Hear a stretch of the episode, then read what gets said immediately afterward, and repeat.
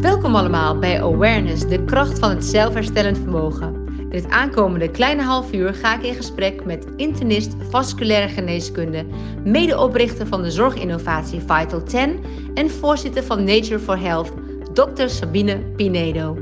Een boeiend gesprek met een zeer gewaardeerd arts die de patiënt echt centraal stelt en gezondheid ziet als iets wat groter is dan jezelf.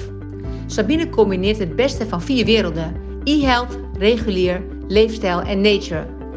Wil jij ook zo'n gelukkige dokter zijn die aan het einde van de dag kan vaststellen dat hij daadwerkelijk iets heeft gedaan voor die ander? Iemand heeft geholpen? Ja. Blijf dan vooral luisteren. Veel plezier! Goedemiddag eh, Sabine Pinedo. Uh, we zitten hier in jouw prachtige praktijk in Amsterdam-Zuid. Kan jij vertellen wie jij bent en wat jou drijft? Ik ben uh, internist, vasculair geneeskundige. Ehm, dat eigenlijk staat voorop. Uh, ik ben ondernemer in de zorg, omdat ik denk dat het ook anders kan.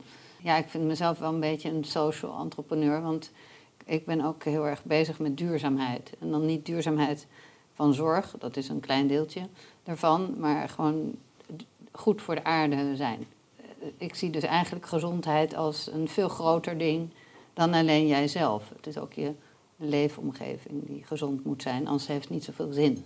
Ja. Uh, wat heeft jou geïnspireerd? Eigenlijk was het uh, tijdens mijn opleiding dat ik uh, zag dat we zaten met een, een groep assistenten, interne, hadden een etentje bij ons thuis en hadden we het over wie is er nou echt, zie je nou echt lachen en is gelukkig van de internisten. Wij waren nog een opleiding, dus onze bazen die, die gingen even over de tong. en ja, we hadden eigenlijk allemaal zoiets van, ja, we zien niemand nou echt happy zijn. Gelukkig in het vak. En ehm, toen dacht ik, ja, dat, dat is natuurlijk niet waarom ik zo'n lange opleiding ga doen. Ik wil wel, uh, ja, ik wil me gelukkig voelen. En dat betekende vooral ook onafhankelijk zijn, merkte ik. Voor mij was dat heel belangrijk. Um, en, en toen zei ik tegen mijn man, die cardioloog is, uh, van, uh, zullen we samen, als jij nou cardioloog, hij zou ook internist worden eerst, toen heeft hij, hij geswitcht naar cardiologie. En, en toen zei ik, oké, als jij dan cardioloog wordt, word ik vasculair geneeskundige. En uh, dat is een subspecialisatie van interne. En dan kunnen we samen een winkeltje beginnen. En dan kunnen we uh, datgene doen, uh, kunnen we ons hart volgen. Dus zo gezegd, zo gedaan. en en ja, dus het is eigenlijk niet iets, iets positiefs waarvan ik zeg van nou, dit, dit heeft mij gedreven. Het was eerder een constatering waarvan ik dacht, ja, ik heb wel nagedacht, hoe, hoe komt het dat, dat zij eh, dat ze niet zo gelukkig overkomen. En voor mij, dat was een invulling van mij, hè, dus dat hoeft helemaal niet zo te zijn dat dat de waarheid is, uh, was dat dus, ja, je bent zo afhankelijk uh, van derden in, in je vak. En uh, ja, ik, ik, had het idee, dat daar moet ik van wegblijven. Dus vandaar dat winkeltje. Het ondernemerschap zat ja. al vroeg in. Ja. En heb je dan ook het idee, Sabine, dat je dat ook gelukkiger maakt? Ja, dat denk ik wel. Ten eerste ben ik liever een slaaf van mezelf dan van een ander. ik ben me van bewust dat, ik, uh, ja, dat, ik, dat je dag en nacht werkt. Maar je hebt echt een, een missie en een passie en een visie. En die wil je delen met anderen. En, en, en nou, dat is echt een, een duidelijke weg die je aflegt. En uh, het is soms ook een nadeel als je alleen maar door wil, door wil. Want je moet je, je, je missie bereiken. Je, hetgeen uh, waar, je, waar je mee bezig bent, dat, dat moet klaar afkomen. En waarschijnlijk moet, komt helemaal nooit af. Maar, maar als je achter, naar, naar achteren kijkt, is ook wel eens goed. Hè? En dat, dat, dat doe ik dan wel eens verkeerd. Hè? Dan denk ik niet na, wat hebben we al allemaal bereikt? Het moet meer, meer, meer, verder, door. En, en mensen om ons heen denken wel eens iets van... Hey, uh, denk, sta ook even stil met wat je... Hè, eh, met de, de blessings die je hebt en wat je hebt eh, bereikt. Ja, en waar ben je het meeste trots op als je terugkijkt? Als je dan toch even mag stilstaan. Ja, ik ben begonnen in 2007 met een online trombosedienst. En dat was heel uh, hard bikkelen uh, tegen de bestaande, de gevestigde orde. Uh, patiënt centraal zetten, zelfmanagement uh, stimuleren. Um, nou, het was in die tijd uh, eigenlijk not done, terwijl de middelen er wel allemaal waren. Het recept was er, ingrediënten waren er, alleen ja, de oven wilde niet meewerken om de cake te bakken, zeg maar. Mhm. Want die had even enorme weerstand van, van, van de gevestigde orde. En als ik nu kijk, nu is het, ja, vindt iedereen het heel normaal dat er aan zelfmanagement gedaan wordt uh, voor trombosezorg. En ja, we hebben zelf absoluut niet zelf alle vruchten geplukt, echt niet. Maar we hebben, we hebben wel de bewustwording gecreëerd en, en ik ben zo blij dat zoveel mensen afhank die afhankelijk waren van trombosedienst en iedere twee, drie weken naar een bepaalde uh, locatie moesten om zich te laten prikken, dat dat niet meer hoeft. En dat mensen gewoon zichzelf kunnen prikken. En waar ze ook ter wereld zijn, op vakantie, hoeven ze niet meer naar een trombosedienst in de buurt. Ze doen het gewoon zelf en ze hebben altijd een dokter bij de hand. In ieder geval in onze situatie hebben ze altijd die dokter bij de hand. Bij andere trombosediensten weet ik het niet, maar... Uh, en dat, daar ben ik wel heel blij om. Dat we heel, trots op dat we dat bereikt hebben. En dat het ook nu gewoon. Ja, uh, iedereen vindt het normaal dat dat zo is. Maar het was het natuurlijk in 2006 helemaal niet. Sabine, je had het over niet afhankelijk zijn van mensen, dus zelfregie. Ook voor patiënten, cliënten is dat heel belangrijk. Je had het ook over, we zijn onderdeel van een veel groter geheel, de natuur, goed zijn voor de aarde. Hoe verhoudt zich dat ten opzichte van jouw visie op gezondheidszorg, nu en in de toekomst? Even uitleggen waarom, want sommige mensen kunnen me niet volgen als ik uh, zeg dat ik ook de leefomgeving wil meenemen in, in, in het gezondheidsverhaal. Hele eenvoudige voorbeelden zijn, uh, wat heeft het voor zin om te gaan joggen in het Amsterdamse bos, uh, terwijl er veel fijnstof in de lucht zit. Je bent aan de ene kant heel gezond bezig met, met voeding en je drinkt water uit de kraan waar alle, allerlei resten medicijnen in zitten of kunnen zitten. Um, nou, de grond natuurlijk, waar je, eh, waar je groenten in groeien of je fruit, als die niet gezond is, dan komt dat uiteindelijk weer in je terug. Recent was er een, een studie uh, gedaan in, in Californië waaruit bleek dat er 55 verschillende uh, gifstoffen in zwangere vrouwen circuleerden, ook deeltjes van plastic, die, die kwamen bij het embryo terecht. Nou, dat, dat, dat soort dingen, hè, als je, dat, dat komt uit hetgeen wat we tot ons nemen en op onze lichaam smeren. En we zijn ons niet zo bewust van het feit dat die leefomgeving echt wel invloed heeft op, op, op je eigen gezondheid. En ja, in die zin denk ik dat het dat dus heel belangrijk is om dat als een holistische kijk daarop te hebben. Uh, om goed voor de aarde te zorgen. Uh, en uiteindelijk krijg je dat dan dus ook weer terug. En ik denk ook omdat de aarde ons heel veel positiefs kan geven. Hè? In, de, in de natuur wandelen. Uh, je ziet nu ook tijdens uh, corona, veel mensen gaan naar buiten. Uh, zijn met elkaar wandelen in het bos. Dat is het uitje. In plaats van in een, in een winkelcentrum. Dat, dat zijn weer de mooie kanten van corona. Dat mensen zich bewust worden van... hey, dit brengt mij iets goeds. Dus daarom trekken ze erop uit. Net zo goed als naar de zee of in de duinen wandelen. Dus ik, ik ben ervan overtuigd, ik heb het ook aan patiënten aangetoond. Hè, ze gaan wandelen, iedere dag uh, drie, vier kilometer. Als kan dus 10.000 stappen. Dat hun bloeddruk naar beneden gaat of dat hun suiker daarna beter is. En die bewustwording bij die mensen creëren vind ik van enorm belang. En op een gegeven moment hebben, is die bewustwording zo groot dat ze het ook eh, vanuit extrinsieke motivatie, dat een intrinsieke motivatie wordt om het te gaan doen. Om, zichzelf gezond te houden. Ik weet niet even of dit een antwoord is op de vraag. Want... Jazeker, nee, ik vind hem heel mooi. Um, uh, dus jij zegt van de context hè, waar mensen in leven, die hebben we eigenlijk nooit meegenomen, maar die is super belangrijk ja. om te zorgen dat mensen niet ziek worden. Ja, ja zeker. Ik, ja. Het, is een, het is natuurlijk, we zijn onderdeel van een ecosysteem en ik vind het dat we onszelf een beetje gedragen alsof wij er buiten staan. Hè? En uh, niet een beetje, maar dat doen we heel veel eigenlijk. Uh, en uh, dat vind ik ja, kan ik gewoon niet bevatten. Omdat uh, uh, ja, de natuur is, is, is, alles voor ons. De natuur kan wel onder, zonder ons, maar wij niet zonder de natuur. Dus die arrogantie, die kan ik niet begrijpen. En daar zou ik dus heel graag een, uh, een bijdrage aan willen leveren. Ja. Welke rol speelt het zelfherstellend vermogen in deze visie? Ik, ik, ik vind dat best een moeilijke vraag. ik ben ervan overtuigd dat als je ziek wordt en bijvoorbeeld iemand zegt tegen jou: Je hebt nou nog zoveel tijd te leven, dat, dat, je, dat, dat mensen daar ook naartoe leven, naar hun dood. Uh, dus dat geeft al aan dat je het kunt beïnvloeden. ik geloof ook dat dat gaat niet over ziekte, maar dat zwangeren, eh, als ze er klaar voor zijn, er echt ook klaar voor zijn. En eigenlijk kunnen zeggen van nou, nou mag het wel gebeuren. Ook dat kan je beïnvloeden. Dus ik denk ook dat het, dat het, ziek, het, ziek worden of het, de dood uh, kan uitgesteld worden. Er zijn mensen, ik weet het van mijn vader, die zei altijd, die is oncoloog. En die zei, je mag nooit zeggen hoe lang iemand te leven heeft. Want mensen die gaan bij de pakken neerzitten, die gaan in bed liggen. En die wachten tot dat moment. En heel vaak is het ook echt die zes maanden die was voorspeld. Maar als het niet genoemd was, hadden ze nog tijd door kunnen leven.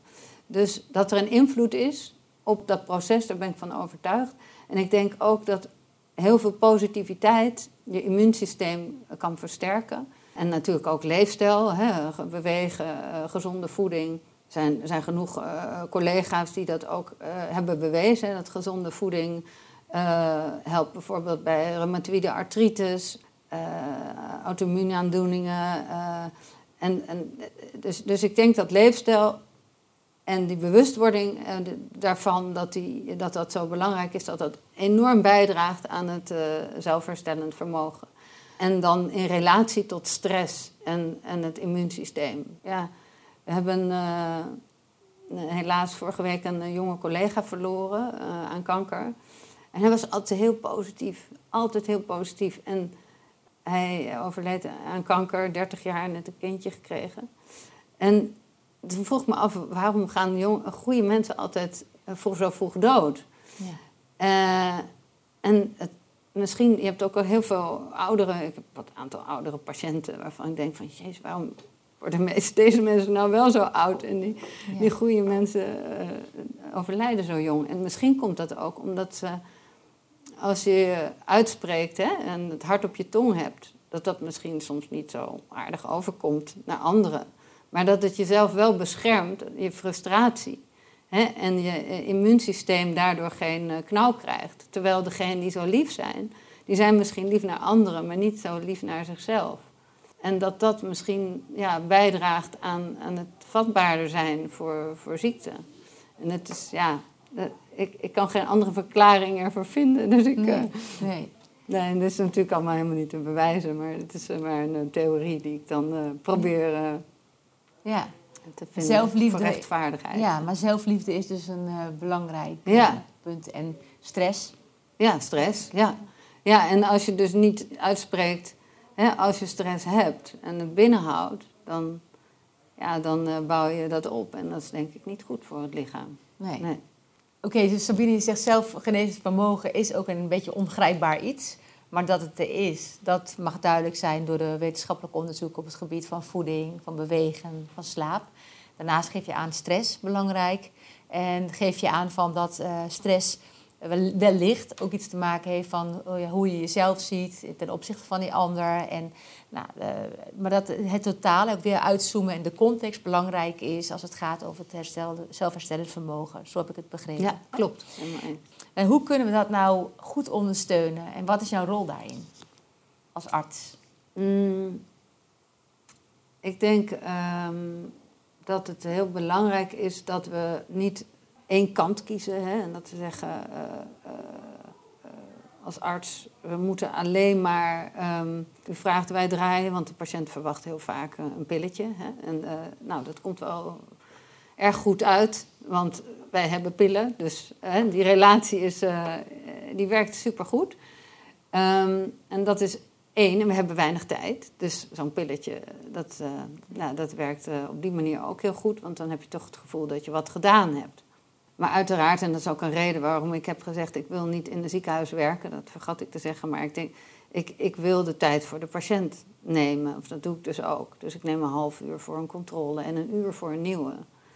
En dat maakt dat je heel goed de achtergrond van een uh, patiënt kent. En soms dus op dingen komt, op, op, op, op uh, correlaties uh, met klachten uh, die je anders niet zou leggen, of die relatie niet zou leggen, omdat je er niet naar gevraagd hebt. Mm um, dus ik, ik denk dat tijd nemen voor de patiënt een, een hele efficiënte oplossing is om toch die holistische kijk te hebben. Dus dat is een soort van oplossing voor het probleem dat we uh, alleen maar met dat pilletje komen.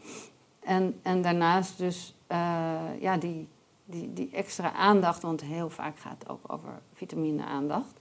Dus gewoon, eigenlijk is de klacht al voorbij als mensen naar buiten lopen, maar je hebt ze gewoon die aandacht gegeven. En dan zeg je, nou goed, als het, als het niet verdwijnt, de klacht, hè, neem dan toch nog contact met me op. Maar dat gebeurt dan niet. Of we maken een afspraak over drie weken en dan nee, eigenlijk is het al voorbij, is het oké. Dus je hebt het, je hebt het probleem serieus genomen, je kon het plaatsen, je kon ook mensen inzicht geven in waarom ze die klacht hebben, omdat je de tijd nam. En uh, wat, ik ook doe, is via ons systeem wat we ontwikkeld hebben, kunnen mensen vragenlijsten invullen. Het zijn nooit van 120 vragen, echt wel veel. Maar over stress, over werkstress, over gezinsstress, over uh, voeding, over roken, uh, psyche. Nou, al, die, al die zaken worden benoemd. Uh, en als je in de spreekkamer zit, dan krijg je heel makkelijk groen, oranje, rood. Hè? Waar, hoe staat het ervoor mhm. en wat zijn dingen om op te letten? En als ik dan uh, met ze door die vragenlijst ga, terwijl ze ze zelf al hebben ingevuld, dan merk je dus dat ze langzaamaan, als bijvoorbeeld een burn-out is of neiging tot burn-out, en ze hebben allerlei onverklaarbare klachten en zijn dan bij drie, vier verschillende specialisten geweest. En, en ik neem met ze die vragenlijst door, dan komen ze eigenlijk al tot inzicht, ja jeetje, wat heb ik eigenlijk veel stress. En ik heb geldstress en ik heb dit en ik heb dat. Maar ik, ik heb het zelf niet benoemd.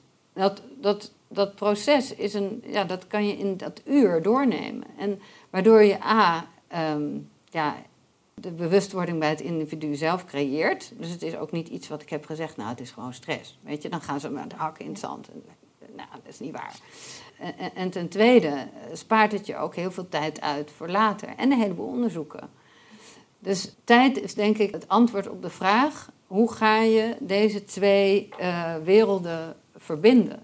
Want het is natuurlijk helemaal niet vaag om het te hebben over stress of voeding. Of, want we weten allemaal wel dat het belangrijk is en dat alles wat je, je bent wat je eet. En, uh, en dus ik denk dat dat, dat de oplossing gaat zijn. Is dat dan ook als je kijkt naar de toekomst van de gezondheidszorg, is dat dan iets wat jij zegt, nou, uh, daar moeten we naartoe? Meer tijd en dus aandacht ja. voor uh, de cliënt, patiënt? Ja. Ja, ik denk dat er wat wel een mooie rol kan spelen om een selectie te maken tussen wat heeft een individu, individu nodig. Uh, want er zijn ook jongeren die zeggen, nou, ik, ik hoef die aandacht helemaal niet. Hè? Uh, en we kunnen ook niet iedereen tegelijk aandacht geven. Dus ik kan een hele mooie selectie maken, bijna aan de voordeur, aan de hand van een vragenlijst, wat de behoefte is. En als iemand chronisch ziek is, bijvoorbeeld diabetes type 1 heeft, nou die, dat is vaak een jonger iemand, die zit echt niet te wachten om eens in de drie maanden een bezoekje aan de arts. En zeker niet als de waarden allemaal goed zijn. En we, we doen het wel, hè, allemaal standaard. Oh, ik zie u over drie maanden. En dat zijn van die beruchte, beroemde, beruchte handshake consults die we het doen. Gewoon omdat we het gewend zijn. En als je nou die selectie maakt en eigenlijk mensen monitort op afstand. Ze vullen hun waarden in, ze, vullen ook, eh, ze zien ook relaties tussen wat ze eten, tussen zoutintake, tussen uh, suiker, eh, koolhydraten enzovoort. Dan worden ze zich bewust van het feit dat ze iets moeten veranderen aan hun leefstijl. En als je dat inzicht, inzicht geeft, dan wordt het een hele mooie uh, continuum waarbij mensen zichzelf ook gaan verbeteren. En waarbij je dus de behoefte aan een doktersbezoek ook uitstelt. En daardoor krijg je veel meer tijd voor de oudere patiënt die echt een, een pijntje hier, een pijntje daar heeft. Maar als je niet uitkijkt, dan doe je een, doe je een onderzoek aan uh, wat ze eigenlijk liever niet gewild hadden. Ze wilden eigenlijk gewoon die aandacht. Ja. Dus je geeft aan van dat, uh, dat we veel meer op maat moeten gaan kijken wat nodig is in bepaalde uh, leeftijdscategorieën, zeg maar. Maar ook gewoon binnen de categorie naar het, het type mensen die met de vraag komen. Je geeft aan dat uh, de context superbelangrijk is daarin. En dat uh, als je die context goed in beeld wil krijgen, dat je daar tijd voor moet, uh, moet maken. Dus ga vooral in de toekomst van de gezondheidszorg daar meer op inzetten. Ja. Ja. Dus, dus, niet allemaal in eenheidsworst van zo doen we het, maar veel meer kijken van wat geeft iedereen aan wat nodig is om te komen tot. Ja. Eigen regie staat ook hier weer centraal bij jou. Als ja. goed beluisterd. Klopt. Eigen regie en uh, oprechte aandacht door te snappen en te doorgronden wie je voor je hebt. Ja. En daar heb je tijd voor nodig als arts. Ja. ja. Zijn dit de twee belangrijkste dingen die jij uh, ziet in de toekomst van ja. de gezondheidszorg? Ja, het is, ja precies. Dat, uh, het is eigenlijk het, het, je sluit niks uit. Het is het beste van twee of zelfs drie werelden. Als je e-health een, een aparte wereld wil zien. Ik denk niet dat het een aparte wereld is. Ik denk dat het gewoon een middel is om zorg te leveren. Dus ik vind niet eens dat het een naam moet hebben. Um, maar uh, dus, dus ja, je hebt e-health, je hebt leefstijl en je hebt reguliere zorg. Uh, waarbij je zegt, nou, we, we, geven ook extra aandacht. En dat is, dat is niet um, soft. Uh, het, is, het geeft zoveel voldoening aan jezelf als arts om, om aan het einde van de dag te, te zeggen: Ik heb die mensen echt geholpen. En ik heb de. Want dat vind ik ook heel vaak. het zit in onze hele opleiding, zit dat eigenlijk. Je geeft voortdurend de mensen een doekje voor het bloeden. En um, pleister plakken. Uh, niet de oorzaak wegnemen. En dat, dat, ja, dat, ik, nee, dat kan, kan ik niet bevatten. Dat, uh, dat, dat, dat we dat niet doen. Niet meer doen. En dat ook niet in de opleiding zit. Nee, dat uh, zouden we meer moeten doen. Ja, Sabine, als jij nu zo vertelt van uh, hoe jij dat doet, hè, waar jij heel veel voldoening uithaalt, waar je dus eigenlijk ook met een lach op je gezicht uh, ge, ja, plezier hebt in het werk wat jij doet, hè, omdat je ook ziet dat het je voldoening geeft, omdat het ook werkt.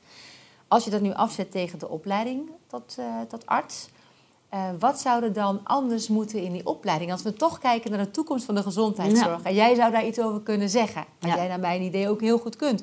Wat moet er dan veranderen? Ja, ik denk dat ik zou er graag drie, drie dingen willen belichten in de opleiding die nu een beetje ondergesneeuwd worden door ja, door ziekte, niet uh, gezondheid. Dat is e-health.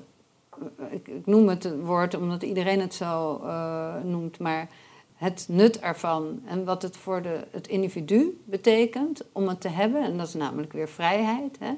En vertrouwen ook biedt het. Want zeker als je zegt, je hebt altijd een dokter in je broekzak, dat, dat, dat de studenten dat ook voelen dat het goed is om een, met een teampje met elkaar er altijd te zijn voor een, voor een uh, individu. En dat kan gewoon, hè? een soort van Uber van de zorg uh, creëren, waarbij je zegt, nou, je hebt gewoon een abonnement op je uh, gezondheid. En je hebt altijd een dokter in broekzak. En dat er voorbeelden komen van initiatieven op het gebied van e-health, die worden benoemd, waarbij er ook een patiënt in de zaal zit. Hè? Vroeger, voor mij was het vroeger, maar dan had je een zaal. En, en daar kwam een patiënt, uh, die hadden ze van, het ziek, van de, de, de zaal boven in, uh, in het ziekenhuis naar beneden gehaald. En die lag in zijn bed. En dan moest hij vertellen over zijn opname, over hepatitis enzovoort. En dan onthield je heel goed hè, de klachten en de, dus de symptomen. En je onthield de, de therapie, want het was allemaal besproken. Uh, en die patiënt heb je de hele tijd in je hoofd. En ik denk dat het heel zinvol zou zijn om ook een heleboel patiënten in de collegezaal naar voren te halen. En, en het, voordeel van e-health uit te laten leggen op heel individueel niveau. En dan blijft dat ook bij. En dan denk je, oh ja, ik wil e-health, want het, het, het, het, is goed voor de mensen. Het geeft minder stress. Dat is één. Tweede is ja, toch ook natuur.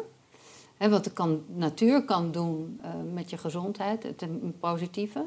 Er is, is, nu wel een beweging op gang vanuit uh, ook wel de overheid, uh, maar ook Nature for Health en allerlei partijen die zich inzetten voor gezondheid en die elkaar hebben opgezocht en waarvan de natuur er dus eentje is. En die beweging die, die wordt wel groter en groter. Uh, maar hoe kun je bewijzen dat dat zinvol is? Ik weet, er zijn studies geweest in Scandinavië en in Canada waar uh, natuur op recept wordt voorgeschreven. Alleen dan moeten we hier in Nederland nog erg gaan wennen natuurlijk, want het is, uh, ja, natuur. Ho hoezo dan? Ik, ik, schrijf, ik zeg tegen mijn patiënten, ik schrijf niet op recept voor, maar ik zeg nou, je bloeddruk is hoog. Ik kan je heel makkelijk een volgende pil erbij geven bijvoorbeeld iemand, zijn, vrouw woont twee kilometer van hem vandaan, ze wonen apart. Uh, en ik zeg, nou, in plaats van dat je, dat je gaat, uh, met de auto gaat, want het is hetzelfde hè, parkeergebied in Amsterdam, ga wandelen. En heen en terug en meet je bloeddruk. Voor en na. En nou, die bloeddruk die daalt. En ik kan zien, ik krijg dus een alert als een bloeddruk hoog is van een van mijn patiënten. En dan kom ik terug bij hem en zeg ik, je hebt zeker vandaag geen wandeling naar je vrouw gemaakt als hij hoog is. Ja, nee, ik had geen tijd. En, uh, en, maar hij ziet zelf ook, heeft het inzicht ook. Ja. En dan gaat hij door het Vondelpark naar een beetje natuur. Uh, ik denk dat wandelen natuurlijk maakt ook hè, dat, je, dat je bloeddruk naar beneden gaat. Maar die awareness creëren, ook daar weer voorbeelden van in de collegezaal zou, zou heel goed zijn. En niet een uurtje, maar gewoon echt een, echt een, uh, een blok van maken. En leefstijl natuurlijk. Dat is ook, uh, ik denk dat er misschien hooguit een dag aan leefstijl wordt besteed in uren. En het zou veel meer aandacht moeten krijgen. Ook weer met, uh, met voorbeelden van patiënten. want dan blijft het ook het beste bij en dan word je gestimuleerd om het zelf uit te gaan voeren. Oké, dus drie, uh, drie zaken: e-health, natuur, en leefstijl. Ja. En dan met name ook de vorm van onderwijs. Daar heb jij ook een, een, hele heldere mening over. Dat is: zet die patiënt, zet die cliënt, zet die mens in de collegezaal. En laat zien dat het geen theoretisch iets is, een aangelegenheid, maar maak contact met die mens die daar in bed ligt. Ja. Dat hoor ik jou ook zeggen. Ja, helemaal eens. Ja. Nou, de volgende vraag is: wanneer word jij minister van VWS? dat zie ik wel zitten. Heb jij, uh, zou dat iets van jou zijn, Sabine? Nou, ik, ik was een keer gevraagd om in, bij een politieke partij te gaan. En ik dacht, ook hier dacht ik, ik moet uh, mijn vrijheid behouden om mijn doel te kunnen bereiken. Want als ik in een, uh, in een bepaald hokje word gezet, dan, dan denk ik dat ik niet kan bereiken wat ik wil bereiken. Maar het kan ook een enorme um, ja, misvatting zijn. Misschien gaat het wel veel sneller als je, als je het wel doet. Ik heb het natuurlijk nooit geprobeerd. dus ik, ik weet het niet. Ik denk dat je dat heel goed kan. Mooi. Uh, over vijf jaar, hoe ziet, het, uh, hoe ziet de wereld er dan uit wat jou betreft? En dan met name de gezondheidszorg ja, wat mij betreft zijn we veel meer in het groen. Zijn we er als artsen ook van bewust dat dat uh, goed is. Ook zelfs de uh, WHO, die, die onderschrijft hè, wat, uh, wat ook Nature for Health dan heeft neergezet als doelstellingen. Dus ik denk dat de WHO, die heeft overigens ons Nature for Health genoemd in een video missie, hoe noem je dat? Nee, mission. Ja, mission statement. statement. En gezegd, nou, dit is precies de weg die we op moeten. Dus uh, ja, als die hoge bazen daar zeggen, dan denk ik dat, dat het ook wel wat meer uh, uh, die, de richting gaat worden die we ingaan. En over vijf jaar hoop ik dat we er iets van hebben. Want ja, verandering kost tijd. Dus ik weet niet of we vijf jaar redden. Maar dan zitten we wel, zijn we goed op weg. Dan hebben we ook leefstijl geïntegreerd in uh, uh, ziekteprocessen, maar het liefst ook preventie, niet alleen ziekte, maar ook gezondheid. Uh, is de werkgever veel meer gefocust op een gezonde werknemer. Dat is natuurlijk geen zorg, maar uiteindelijk is het wel zorg. Het is gewoon preventie. En als laatste denk ik dat we, ja, afhankelijk van wat het individu wil, digitaal of niet digitaal, daar ook een antwoord op hebben voor het individu. Dus voor alles wat wil. Uh, eigen regie. Eigen regie, ja. En meer dokters met een smile op hun gezicht. Meer dokters, ja. Gelukkige dokters. Dat zou ook, uh, ja, dat, ja, dat denk ik wel. Het zou goed voor ze zijn. Ja. Mooi, dankjewel. Ja, Sabine, de laatste vraag alweer. Wie zou jij graag als volgende geïnterviewde willen zien? En welke vragen heb je aan hem of haar? Ik zou graag uh, Marcel Levy willen vragen, voorzitter van de NWO. Ja, onderzoek is natuurlijk hartstikke belangrijk. Ik denk dat daar ook de basis ligt van als we uh, een brug willen slaan tussen uh, leefstijl en, en zorg, dan zit dat hem ook in onderzoek, dat is de sleutel. Uh, en dan denk ik, ja, dan hebben we Marcel nodig om dat voor elkaar te krijgen. En hij heeft eerder heeft hij mij uh, gestimuleerd in bepaalde stappen te zetten. Terwijl ik misschien zelf niet eens door had, maar hij heeft mij echt bij, bij, zaken betrokken. En nu zou ik hem heel graag ook betrekken bij dit verhaal. En ik zou hem willen vragen of hij uh, open staat voor meer onderzoek naar leefstijl. Ja, en leefstijl in de breedste zin des woords. En, en misschien ook naar uh, ja, uh, omgevingsfactoren, onderzoek naar omgevingsfactoren en duurzaamheid. Uh, want dat, dat mis ik ook een beetje in de visie van de, het, het, zorgstelsel, dat we daar niet naar kijken. Mooi, gaan we vragen. Dankjewel, okay. Sabine ja. Pinedo.